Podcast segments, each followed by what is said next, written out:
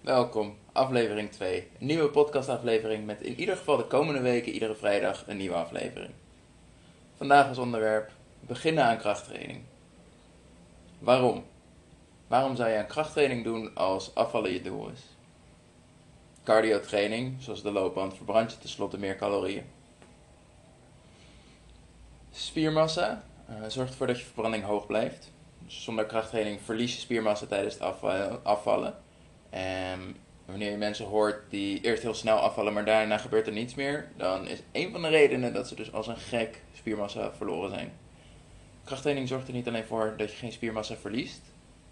Zeker als beginner zorgt het er juist voor dat je heel gemakkelijk spiermassa aankomt. Je verbranding wordt dus niet lager, hij wordt juist hoger. Je begrijpt natuurlijk wat voor voordeel dat heeft als het gaat over je energiebalans. In plaats van dat je steeds minder hoeft te eten, kan het zelfs gebeuren dat je iets moet verhogen in calorieën. Meer moet eten per dag, zodat je niet te snel afvalt. Er zijn vervelendere dingen tijdens het afvallen, denk ik zo.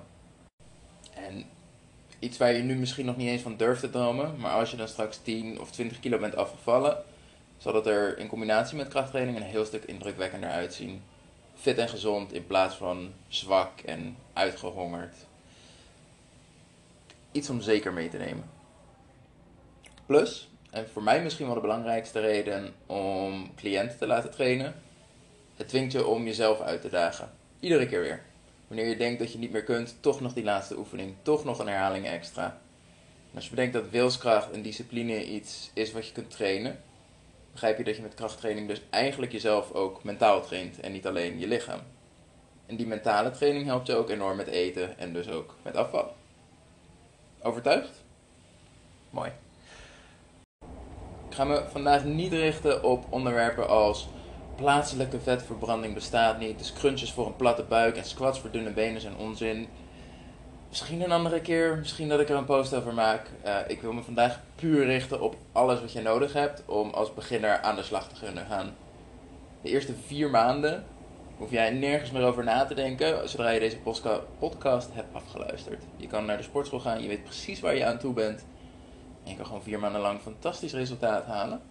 En uh, er komt een deel 2, waarschijnlijk volgende week al, voor na die vier maanden. Dit is puur gericht op de beginners. Deel 2 wordt um, voor het stadium van beginner naar gevorderd. En als je die hebt afgeluisterd, hoef je eigenlijk de rest van je leven um, ja, nergens meer over na te denken, is een groot woord. Je weet precies wat je nodig hebt om steeds um, progressie te blijven behalen, steeds verder te gaan, steeds een stapje verder te gaan. Zelfs als je denkt dat je geen beginner meer bent, raad ik je heel erg aan om ook dit deel te luisteren. Dat je al twee jaar in de sportschool komt, betekent namelijk niet dat je ook werkelijk alles weet wat je nodig hebt voor een goede basis om straks verder op door te bouwen. Daar weet ik alles van. Mijn eerste twee jaar in de sportschool en mijn eerste twee jaar trainen leken helemaal nergens op als ik er nu op terugkijk. Dus doe niet zo eigenwijs en luister ook deze aflevering. Dan kan je de fouten voorkomen die ik zelf heb gemaakt. Het is een, uh, nou ja, wat zal het zijn? 10 minuten investering. Waarmee je twee jaar aan frustratie kan voorkomen. Lijkt mij een goede investering, maar eh, het is aan jou.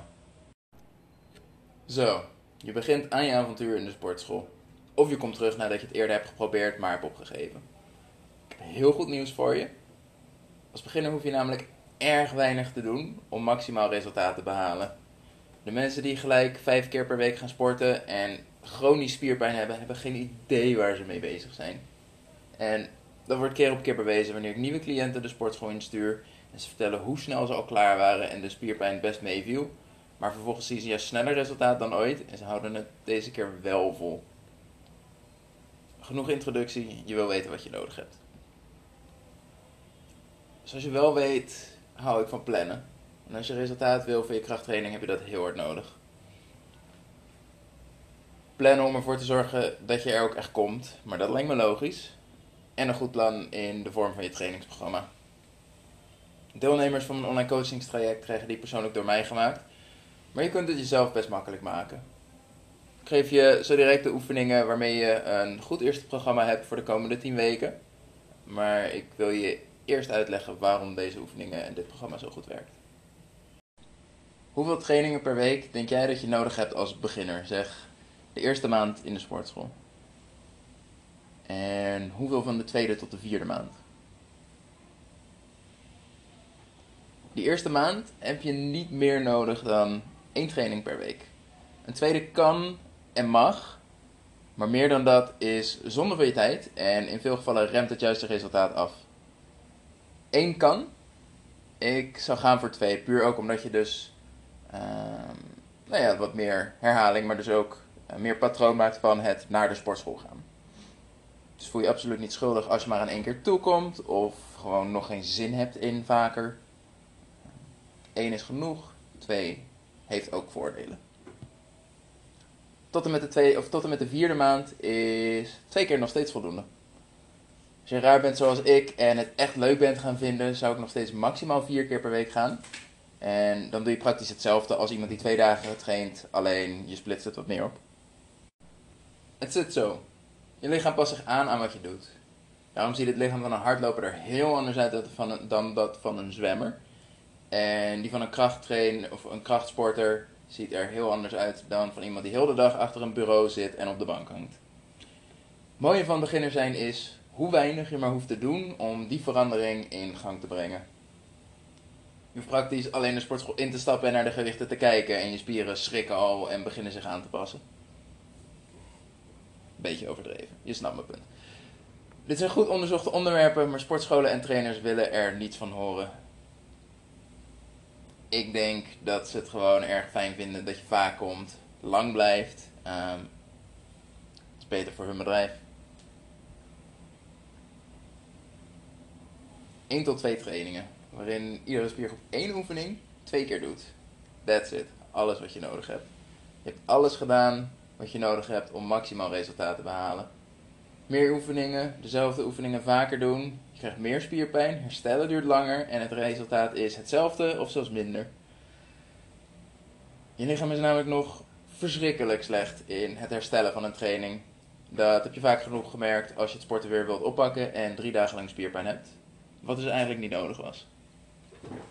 Mijn cliënten staan vaak na 30 minuten alweer buiten. Voelen s'avonds en de ochtend daarna toch wel dat spieren gevoelig zijn. Maar ze zijn ook ruim op tijd weer volledig hersteld voor de volgende training. Plus, ze hebben ook een leven rondom of buiten het sporten om. En dan is het toch best fijn als je niet hoeft te janken van de spierpijn als je de trap op moet lopen. Dan zijn er nog de praktische dingen zoals rust tussen de oefeningen door, het aantal herhalingen, hoe zwaar, hè, welk gewicht moet je nou gebruiken. Als beginner doet het er heel weinig toe. Neem rust tot je weer rustig ademt en je hartslag gedaald is. Ehm, dat kan al binnen 30 seconden zijn. Rust is een heel belangrijk onderwerp. Ehm, maar dat komt pas in deel 2. Daar wordt het relevant. Daar maakt het een enorm verschil. Uh, voor beginners, nee. Wat de rest betreft, kies een gewicht waarmee je zo'n 10 tot 15 herhalingen goed kan uitvoeren. En voor je gevoel nog wat de kracht hebt dat je er een paar extra zou kunnen doen als je heel hard je best doet. Hoeft niet. Je stopt voordat je die grens bereikt. Je mag dus stoppen voordat het heel zwaar is. Klinkt bijna te makkelijk, hè? Maar als beginner is het veel belangrijker dat je een goede uitvoering leert dan dat je jezelf tot het uiterste pusht ten koste van die goede uitvoering. Dat is hoe mensen zich placeren. Jezelf leren pushen met die goede uitvoering, dat is iets voor deel 2 van deze podcast, voor de gevorderde, wanneer je de stap van beginner naar gevorderd maakt. Dan de oefeningen. Als het lukt, zet ik ze in de beschrijving van deze podcast. Ik zal ze ook delen op Instagram, maar dat blijft maar 24 uur in mijn story staan. Um, als ik eraan denk, zet ik ze in mijn highlights op mijn profiel. In ieder geval, ik geef je 10 seconden om even iets van je notities te openen, pen en papier te vinden en uh, dan noem ik ze voor je op. Als je niet heel bekend bent met de namen van oefeningen, dan uh, heb je eventueel Google nodig. Zo van, mooi woord wat je nu zegt, Jury, maar wat betekent dit? Oké, okay, komt. Oefening nummer 1, de leg press. Oefening nummer 2, de leg curl. Oefening nummer 3, de chest press. Oefening nummer 4, de lat pull down. Oefening nummer 5, de seated row. klaar. Het zijn vijf oefeningen die je allemaal twee keer doet. Start met een laag gewicht en bouw op tot een gewicht waarmee je maximaal 10 tot 15 herhalingen kunt doen. En de eerste week zal je daarin heel hard vooruit gaan. Dus wat je kan doen als je bij 15 herhalingen bent en het nog steeds heel makkelijk aanvoelt, is of om door te tellen en tot 30 herhalingen door te gaan, of om die ronde niet mee te tellen en het nog een keer te doen met een hoger gewicht. Maar dat is echt in de eerste weken dat je nog een beetje zoekend bent naar wat is nou een geschikt gewicht voor mij. In deel 2 van deze podcast leer ik je daar een methode voor zodat dit makkelijker wordt. Maar als beginner heb je daar simpelweg nog niets aan, want het heeft dus ook te maken met het um, pushen tot je grenzen. En soms daar heel erg tegenaan zitten, soms daar iets verder weg van blijven. Komt allemaal in deel 2. Komt goed. Je hebt een programma om te volgen. Je weet dat je dat maar één tot twee keer per week hoeft te doen. Volgens mij heb je alles om aan dit avontuur te beginnen. Als je nog vragen hebt of er dingen zijn die ik niet heb behandeld, stuur me een berichtje op Instagram via Juri-fitcoach. Juri is J-O-E-R-I. Um, staat volgens mij ook ergens wel hier op welk platform je ook beluistert. Geen idee. Um, laat het me weten. Normaal noem ik het in het uh, tweede deel van deze podcast. Bedankt voor het luisteren en heel veel succes in de sportschool.